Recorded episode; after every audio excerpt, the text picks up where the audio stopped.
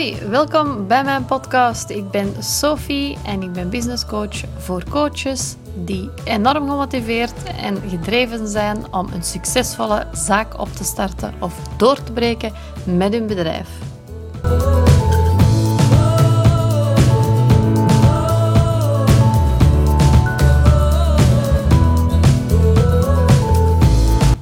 Deze podcast gaat over hard werken versus slim werken. Met hard werken bedoel ik continu die druk voelen om meer geld te verdienen en om klanten aan te trekken. En met slim werken bedoel ik dan het andere uiterste. Alles moet geleidelijk gaan, je moet in een soort van flow komen, vooral vanuit je intuïtie gaan ondernemen. En zowel met mijn coachingbedrijf als met mijn interieurzaak Pantry voelde ik enorm die druk van hard werken. Pantry is de zaak die ik vijf jaar geleden opstartte en een beetje als hobby begon, maar uiteindelijk groeide het uit tot een heuse zaak. En ik weet nog, toen ik daar begon, in het meer, 100, meer dan 100 jaar oude pand waar ik tevens woonde, dan wou ik dat opknappen en ik wou het rustieke ervan behouden om dan daar mijn meubels tentoon te stellen. Wat enorm veel van mij vergde, want op die moment was ik nog herstellende van een burn-out. Gelukkig heb ik ook wel wat hulp gehad bij het eruit sleuren van de vloeren en het afkrabben van het behang. Maar verder heb ik er zelf maandenlang op, opknapwerk aan gehad om het precies te krijgen zoals ik dat wou. En ik voel mijn pijnlijke spieren nog steeds van het enorme aantal muren en plafonds die ik in mijn eentje liggen schilderen heb. Als ik daaraan terugdenk, aan mijn allereerste jaren was het alleen maar elke dag hustelen, zoals Gervie dat zegt. Ik was de hele dag bezig met flyeren, aantrekken van de juiste klanten, op de verkeerde manier weliswaar, weet ik nu. En door mijn interieurzaak als tweede zaak te houden, heb ik het mezelf alleen maar drukker gemaakt. Overdag was ik de hele dag bezig met coachen en daarna moest ik nog de zaak onderhouden, producten aankopen, online zetten. En dat is natuurlijk geen duurzame oplossing. En ik wou dan ook altijd alles alleen doen. Ik was zeker twaalf uur aan een stuk aan. Ik was ook altijd maar klusjes aan het doen, ik was brandjes aan het blussen. En ik deed het allemaal met liefde, maar ik liep echt wel op mijn tandvlees. Na mijn burn-out en tal van jaren een bijbaan te hebben gehad, ver onder mijn kunnen weliswaar, gewoon maar om het geld in mijn zaak te kunnen investeren, heb ik uiteindelijk besloten om het anders aan te pakken. Ik wou alleen nog maar ondernemer zijn. Ik heb grote sommen spaargeld geïnvesteerd, ongeveer 30.000 euro, en zo heb ik mijn eerste interieurzaak gekocht. En dan was het nog steeds van oké, ik moet uit mijn bed, want zo meteen moet die winkel lopen. En dan stonden mensen voor de deur. Uh, dan had ik nog mijn haar net gewassen, dan was mijn haar nog nat. En ik moest al zeggen, oké, kom maar binnen. Dan moest ik nog de kaarsen aansteken, de muziek opzetten, de lichten aandoen, de haard aansteken. Want alles moest er uiteraard ook proper bij liggen. En op die moment was het ook geen goede optie om het te stoppen, want ik deed het enorm graag. En midden in de hustlefase had ik niet het idee dat het anders kon. En dat zal je misschien zelf ook ervaren, want je zit er middenin.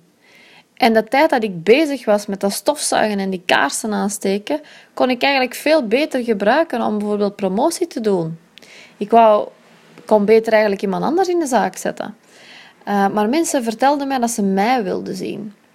Uiteindelijk heb ik mij gelukkig nooit laten tegenhouden door al die commentaren, want ik was ook echt het husselen zat. Ik wou niet meer zelf die winkel open doen, ik wou niet meer zitten wachten op klanten. En ik had twee opties. Ofwel kon ik iemand aannemen, ofwel kon ik alles online zetten en uiteindelijk een webshop openen. En het laatste heb ik uiteindelijk gedaan.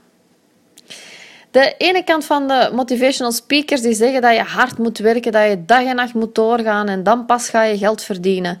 En de andere kant van die motivational speakers die zeggen nee, je moet niet tegen je zin werken. Neem je eigen tempo aan, volg je intuïtie. Ik zit zelf heel erg aan die tweede kant. Maak het jezelf niet te moeilijk. Als je mij zou vragen, Sophie, vind jij dat de meeste coaches harder moeten werken of het meer zouden moeten laten flowen?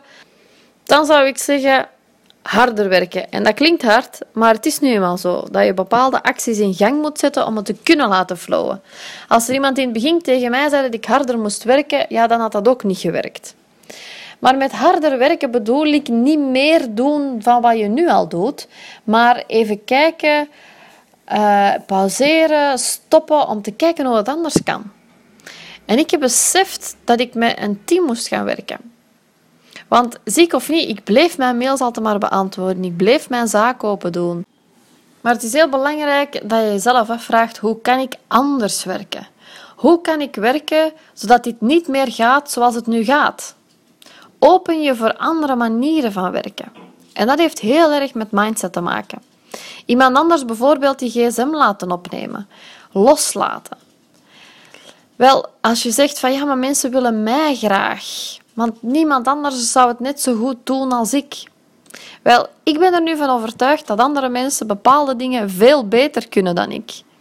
Dus in plaats van jezelf te dwingen harder te werken op de manier die je gewend bent, denk even na welke verandering kan je doorvoeren die ervoor zou zorgen dat je anders werkt.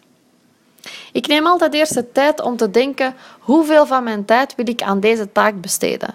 Hoe kan ik ervoor zorgen dat die taak van drie uur naar twee uur gaat? Kan ik bijvoorbeeld mijn blog op een uur schrijven in plaats van op twee uur? Kan ik ervoor zorgen dat als ik een blog schrijf, dat dat maar twee uur duurt in plaats van drie uur? Meestal ga ik dan echt op zoek naar de kennis. Hoe schrijf je gemakkelijk, snel een heel goede blog? En dan ga ik dat toepassen zodat ik veel meer kennis heb en dat ik niet drie uur lig te sukkelen over oh, wat moet er nu allemaal in staan, etc. Ik werk ook nu veel meer vanuit flow. Als je het opstart, moet je inderdaad misschien wat harder werken. Had ik dit nu allemaal kunnen doen als ik op voorhand niet hard had gewerkt? Wel, ik denk het niet. Want wil je meer succes hebben, moet je het anders doen. Harder werken en opvallen. Niet hetzelfde doen als de mensen om je heen. En in mijn gevoel ben ik heel erg veel achter de schermen aan het werk. Het lijkt voor anderen alsof het vanzelf gaat, maar uiteindelijk werk ik mezelf er kapot voor. Alsnog hebben mensen niet door hoe hard ik voor de dingen werk. Ook al besteed ik nu veel dingen uit, ik werk nu heel hard aan mijn bedrijf. Ik zorg ervoor dat ik mezelf onder de loep neem. Ik ben continu bezig mezelf weer open te stellen voor nieuwe manieren en nieuwe niveaus van ondernemen. Aan het begin heb je die hustle nodig en moet je bereid zijn om open te staan voor nieuwe dingen, om op een bepaald niveau te komen waar alles gaat flowen op dat niveau. En als het niet meer lekker voelt, probeer jezelf te duwen naar waar je weer in flow bent. Dus ga niet harder werken en doen wat je nu telkens al doet, maar ga anders kijken naar de taken die je nu doet. Laat dit aan je intuïtie over hoe je dat bereikt. Als je denkt, op een ochtend van hier heb ik geen zin meer in, dan is dat niet per se dat ik dan zeg ja, dan moet je doorzetten. Maar misschien moet je het anders aanpakken. Misschien kan je dit uitbesteden en doe je de dingen alleen die jij leuk vindt. Het leven gaat niet om alleen maar harder en meer werken, maar de dingen doen die jij leuk vindt en waarbij het vanzelf gaat. Hoe ik bijvoorbeeld mijn mindset openzet? Wel, ik volg heel veel ondernemers die mij inspireren. Ik lees ook heel veel boeken. Ik luister naar podcasts. Ik volg cursussen. Uh, ik doe alles waarvan ik denk, ah, misschien is dit interessant om te doen. En ten tweede omring ik mij ook met mensen die een mindset hebben die ik wil bereiken. Ik wil mezelf gewend maken aan hoe zij denken en hoe zij leven, want op hen wil ik lijken. Het feit dat ik nu een virtual assistant heb, een VA heb, ehm, is omdat ik mensen bewonder die een VA hebben. En die stap nam ik dan, omdat ik wou zijn zoals hen. Als je praat met mensen die bijvoorbeeld geen VA hebben, dan gaan ze dat raar vinden. Sta ook open voor experimenteren. Probeer het eens uit. Lanceer eens een online cursus en zorg ervoor dat het niet helemaal perfect hoeft te zijn. Huur eens een freelancer in, gewoon om te zien wat het met je doet. Dat het niet vanaf de eerste moment fantastisch is, oké. Het doel is om je open te zetten en je mindset te verruimen. En sommige dingen zullen falen, sommige klanten worden boos, maar alles is beter dan stilstand. Tot zover deze podcastaflevering. Als je meer wil weten over hoe je slim kan ondernemen als coach, wel, daar heb ik een opleiding voor, een cursus voor, een online programma voor. Noem het zoals je wil. En dat heet Snel Meer Coaches. Daar leer je echt van A tot Z alles wat je moet weten om snel, op een slimme manier aan meer klanten te geraken en een goed lopende praktijk te hebben als coach. Ik leer je daar via videofragmenten, audiofragmenten, werkboeken, samenvattingen te werken aan je bedrijf, zodat jij succesvol kan worden als coach. Kortom, leer ik je daar alles wat ik in de voorbije 10 jaar geleerd heb in mijn praktijk. Bedankt voor het luisteren. Ik hoop dat je er iets uit hebt gehaald. Wil je nu graag meer weten over wat ik voor jou kan doen? Ga dan even naar mijn website